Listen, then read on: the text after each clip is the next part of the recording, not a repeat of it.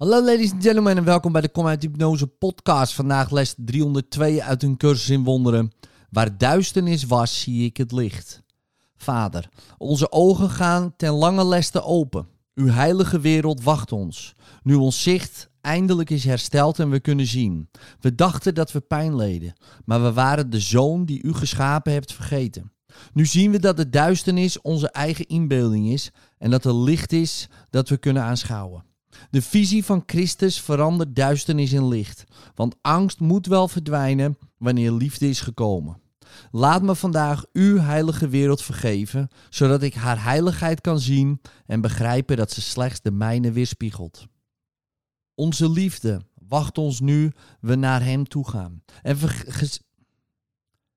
en vergezelt ons om ons de weg te wijzen. Hij schiet in niets tekort. Hij het einddoel dat we zoeken en Hij het middel waardoor we tot Hem gaan. In liefde, tot morgen.